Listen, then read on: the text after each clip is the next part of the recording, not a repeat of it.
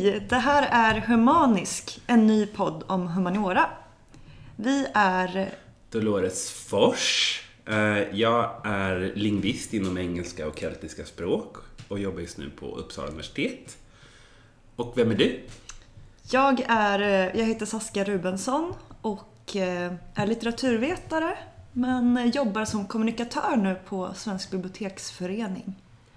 Och det här är som sagt en podd om humaniora. Ehm, Jag och Saskia, vi har ju en bakgrund tillsammans inom humaniora. Vi har både pluggat humaniora, men vi har också inom ja, kåren varit engagerade inom humaniora också. Mm, alltså Uppsala studentkår. Uppsala studentkår, precis. Och det är ju också där jag tänker att vi båda har framförallt pluggat. Jag har ju varit lite på Stockholm och Göteborg också, men Mm.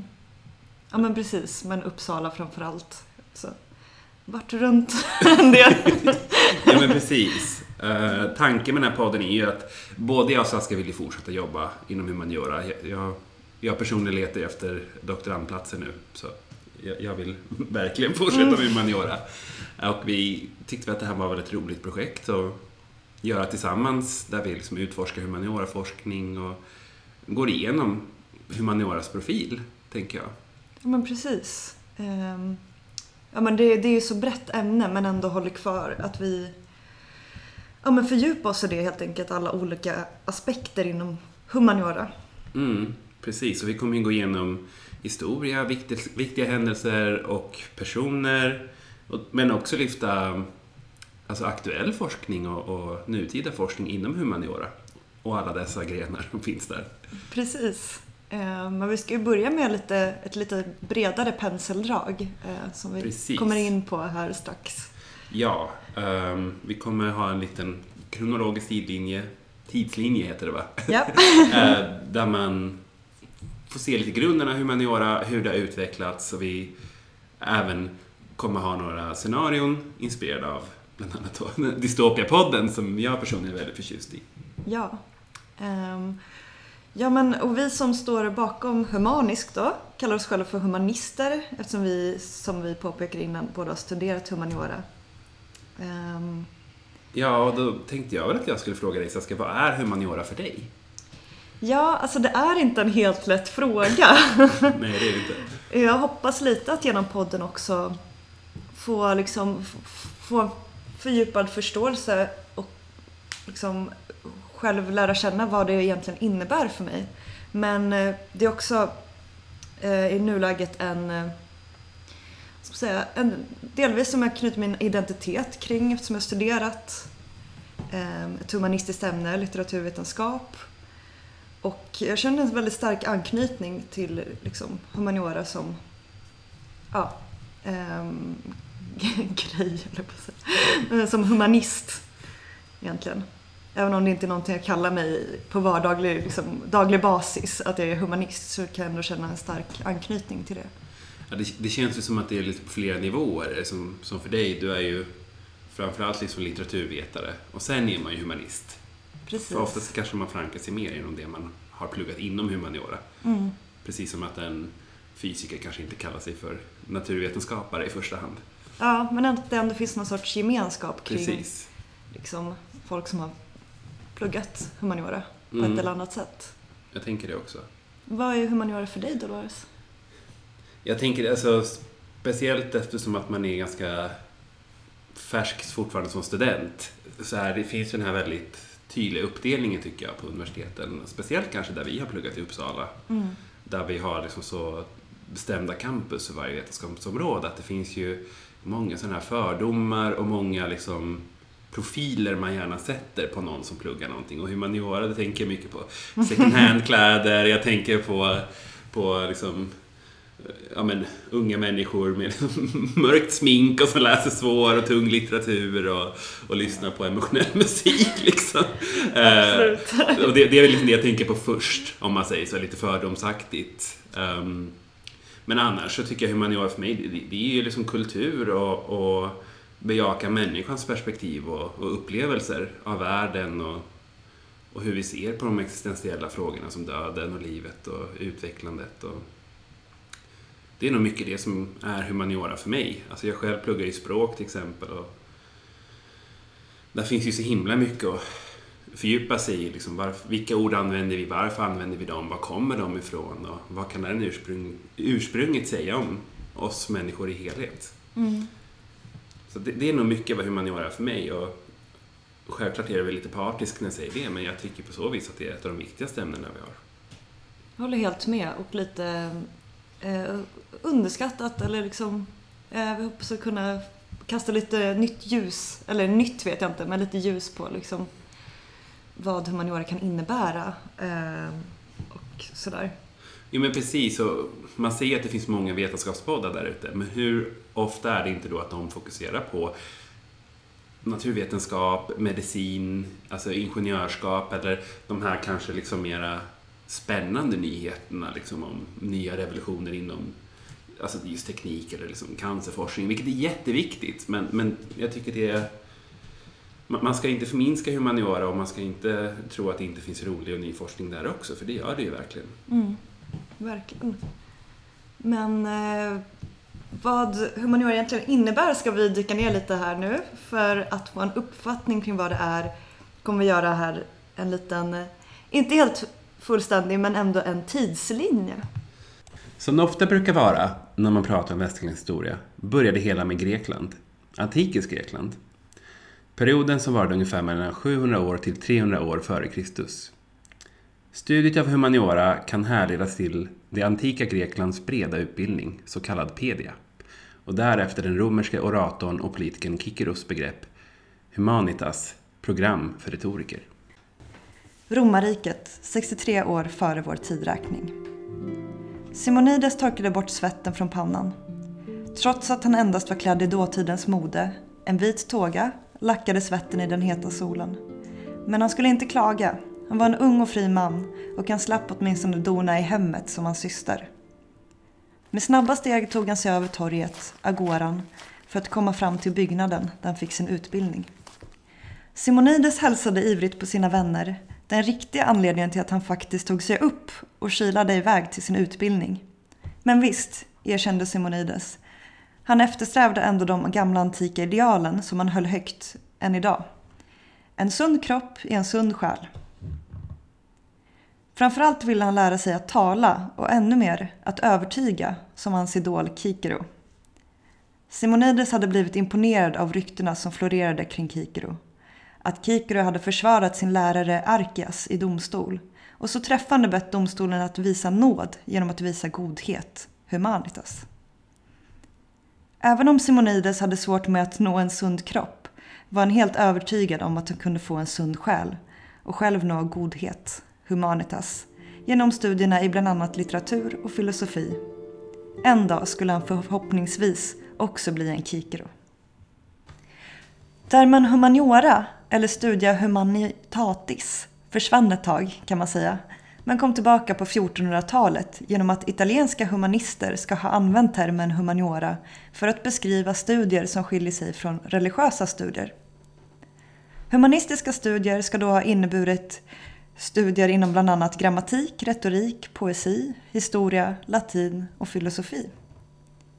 Om vi spolar fram 300 år, till 1700-talet, så fastslår Diderot och franska encyklopedister att humanistiska studier ska ha blivit en cementerad definition av klassiska studier med fokus på latin och grekiska texter och språk. Identifieringen av humanistiska studier börjar här att skifta och så ska så också göra framöver. Det är ett skifte från en definition där humaniora inte beskrivs utifrån dess separation från det religiösa utan snarare utifrån hur det skiljer sig från naturvetenskapliga ämnen, där världen undersöks objektivt utan hänvisningar till människans mening eller syfte. I Sverige på 1800-talet kunde man se våra lärosäten utvecklas och börja röra sig mot den akademi vi känner idag. Studenterna började stå mer i fokus och i Uppsala blev studietiden både mer strukturerad och präglad av en universitetskultur och en tydligare struktur. Du är en student. Året är 1893. Det är svalt ute, men solen skiner. Du har suttit hela morgonen på Carolina Rediviva och läst inför seminariet imorgon. Är klockan redan så mycket? Jag undrar om jag hinner äta en bit mat innan jag möter upp Adolf nere i universitetsparken. Det ska bli jubelfest sen på universitetshuset. Du går längs över Slottsgatan. Flera hästvagnar är på väg, liksom du, mot universitetshuset för festligheterna. Jag måste komma ihåg att köpa min bläck inför seminariet imorgon. Nu när vi har obligatoriska seminarieuppgifter så måste man komma ihåg att anteckna, tänker du medan du går. Man kan höra hur de provskjuter kanonerna inför ceremonin. Flera studenter börjar ansluta från bland annat Filologikum. Där går kårens ordförande, Nathan Söderblom, i frack. Han ska väl delta på ceremonin. Han är en sån kapabel man, men jag såg han minsann på pickalurven häromdagen. Funderar du över. Väl framme vid universitetshuset så är det livfullt. Det ser ut som att ceremonin ska dra igång snart. Förbi dig jäktar en man som du känner igen. Alfred Nobel. Du såg på en affisch att han ska få en ny titel som hedersdoktor. Det måste kännas stort att få bli promoverad som doktor. Ännu större att få bli hedersdoktor, tänker du längtande. Du tar dig förbi universitetshuset och går mot mötesplatsen som du har bestämt med din vän Adolf. Ni ska gå tillsammans till Västgöta nation senare, där det utlovas dans, sång, mat och brännvin. Du går förbi statyn på Erik Geijer, som din pappa har haft som professor. Du har hört mycket om honom. Du ser Adolf och ni rör er mot Fyrisån skrattandes medan kanonerna smäller i bakgrunden. Två skott för en hedersdoktorand. Ett för en nyinvigd.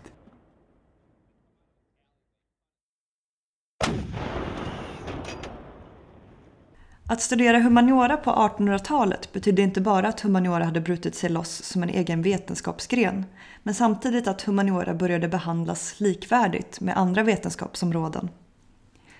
Obligatoriska seminarieuppgifter är ett exempel på detta, som vi nyss hörde om i vår inblick som student på den tiden. Det är faktiskt inte helt olikt från hur humaniora kan definieras idag, även om det vore märkligt och till och med fel att helt avskilja det från naturvetenskap.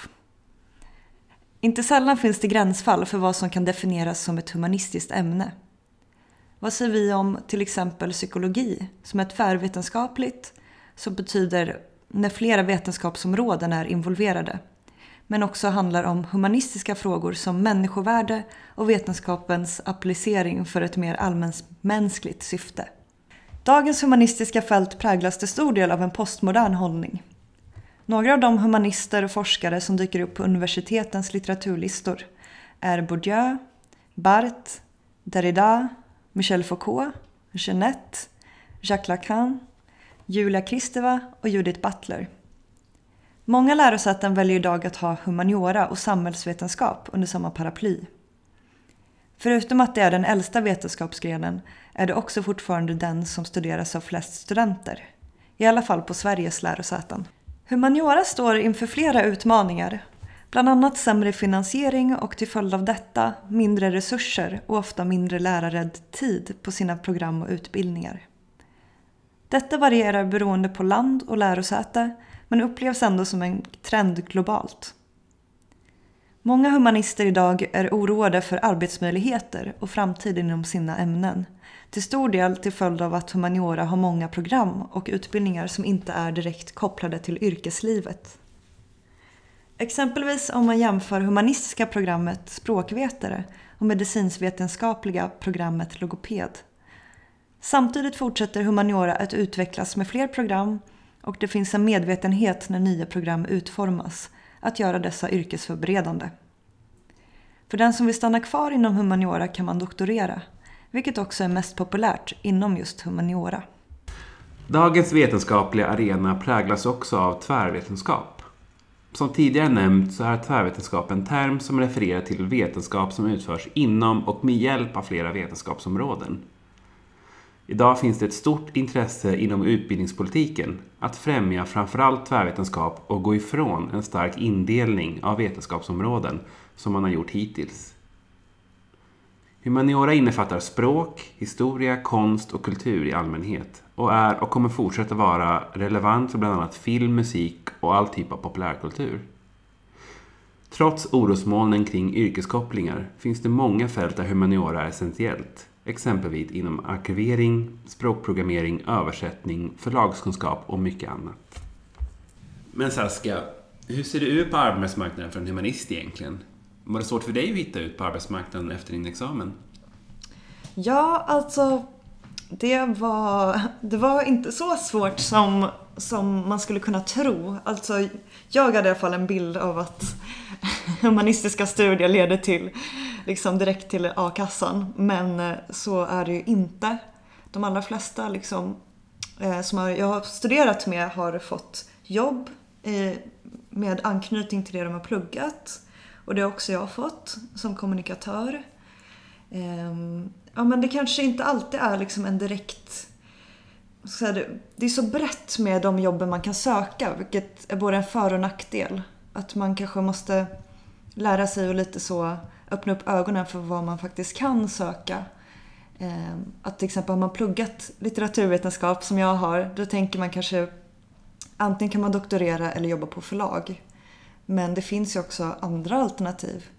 Som ja, men att arbeta med kommunikation. Jag har också arbetat en del journalistiskt. Jobbar med text på olika sätt. Så jag skulle säga att det, det, det är inte så mm, ska säga, dyster utsikt som man tror att det kanske är. Eh, hur, hur är det för dig då? Nej, men jag håller med dig där också. Jag tror att många snöar in sig på vad de har läst inom humaniora. Men det finns ju ganska många yrken som är, ja men vad säger man, liksom mer övergripande inom humaniora. Till exempel efterfrågas ju humaniora inom många administrativa yrken men också liksom personalyrken där man ska jobba med och liksom för olika typer av personaländamål. Ehm, men för min, egen, för min egna del har det inte varit så svårt. Ehm, men samtidigt, jag vill ju ha en karriär inom universitetet och det har jag nu påbörjat i och med att jag har fått ett jobb på universitetet. Inte inom humaniora, men återigen i en administrativ roll. Vilket som sagt är någonting som är populärt inom just humaniora, att hamna i en sån roll. Mm. Um, nej, så jag, jag är, är nog precis som du. Jag upplever inte heller att det är svårt egentligen. Och de flesta jag känner som har tagit en examen i humaniora har ju fått jobb. Förutom de som kanske då snöat in sig på att de måste jobba inom det som de pluggade. Precis, eller också att man kanske måste, tycker jag då, eh, ibland kanske liksom lägga till någon specialiserad kurs för att ge det där lilla extra, eller vad man ska säga. För att specialisera sig lite, lära sig kanske konkreta kunskaper i Photoshop eller vad det nu kan vara. Men ändå att det finns en väldigt bra grund att stå på. Ja, och jag tänker en kunskap som är viktig är ju hur man säljer sin utbildning till en arbetsgivare. Men sen också tror jag, som jag och Saskia har upplevt, att det kan också vara väldigt värdefullt vad du har valt att göra under din studietid. Till exempel alltså vara kåraktiv, nationsaktiv eller ta extra jobb. För det kan ge en väldigt stark profil sen inom yrkeslivet. Speciellt liksom när du knyter till din utbildning. Ja men verkligen, det håller jag helt med om. Ehm, ja, men jag ångrar, ångrar det inte. Nej, jag hade nog inte valt att plugga något annat idag. Mm. Om jag hade fått börja om. Hade du det? Nej. Nej, stolta humanister. Japp. Um, Men framförallt för att det är så roligt. Uh, det är, faktiskt. Det, är väldigt roligt och det känns också någonstans som att just humaniora är väl den vetenskapsgren som tillåter dig mest på något sätt att ta på dig också den vetenskapen lite som en identitet på något sätt. Mm. För att det är mycket kultur bundet till det och det är också en ganska anrik vetenskapsgren. Så jag tror att plugga humaniora öppnar ju lätt upp till att man känner en viss stolthet och en viss tillhörighet, tror jag. På ett mm. annat sätt än vad många andra vetenskapsgrenar gör. Precis, men sen är det lite som, som du var inne på också att man kanske måste sälja, sälja, lära sig att sälja in sig lite ja. med sina kunskaper. För de är inte alltid så konkreta. Men det betyder ju inte att de är mindre värda. Nej, jag tror många ställer väl också om sig från en tidigare tid där man backa bandet liksom 60-70 år, då räckte det med att du hade en kandidat och så spelade det inte roll vad du hade en kandidat i. Utan att du hade en kandidat i sig gav dig liksom hundra öppna dörrar. Men idag måste du liksom lära dig själv att öppna de dörrarna med hjälp av den kandidaten du har. Och det kräver ju mer av dig. Så mm. är det ju. Ja. Men det var nog det mesta vi har från det här avsnittet, eller på, under det här avsnittet. Um, hur kommer vi se på humaniora och dess status i framtiden? Ja, det återstår ju att se. Eh, men vi hoppas att ni vill fortsätta lyssna på vår podd om humaniora och att du, som lyssnar, liksom vi, blir humanisk. Eh, och med det så säger vi Hej då! hej då!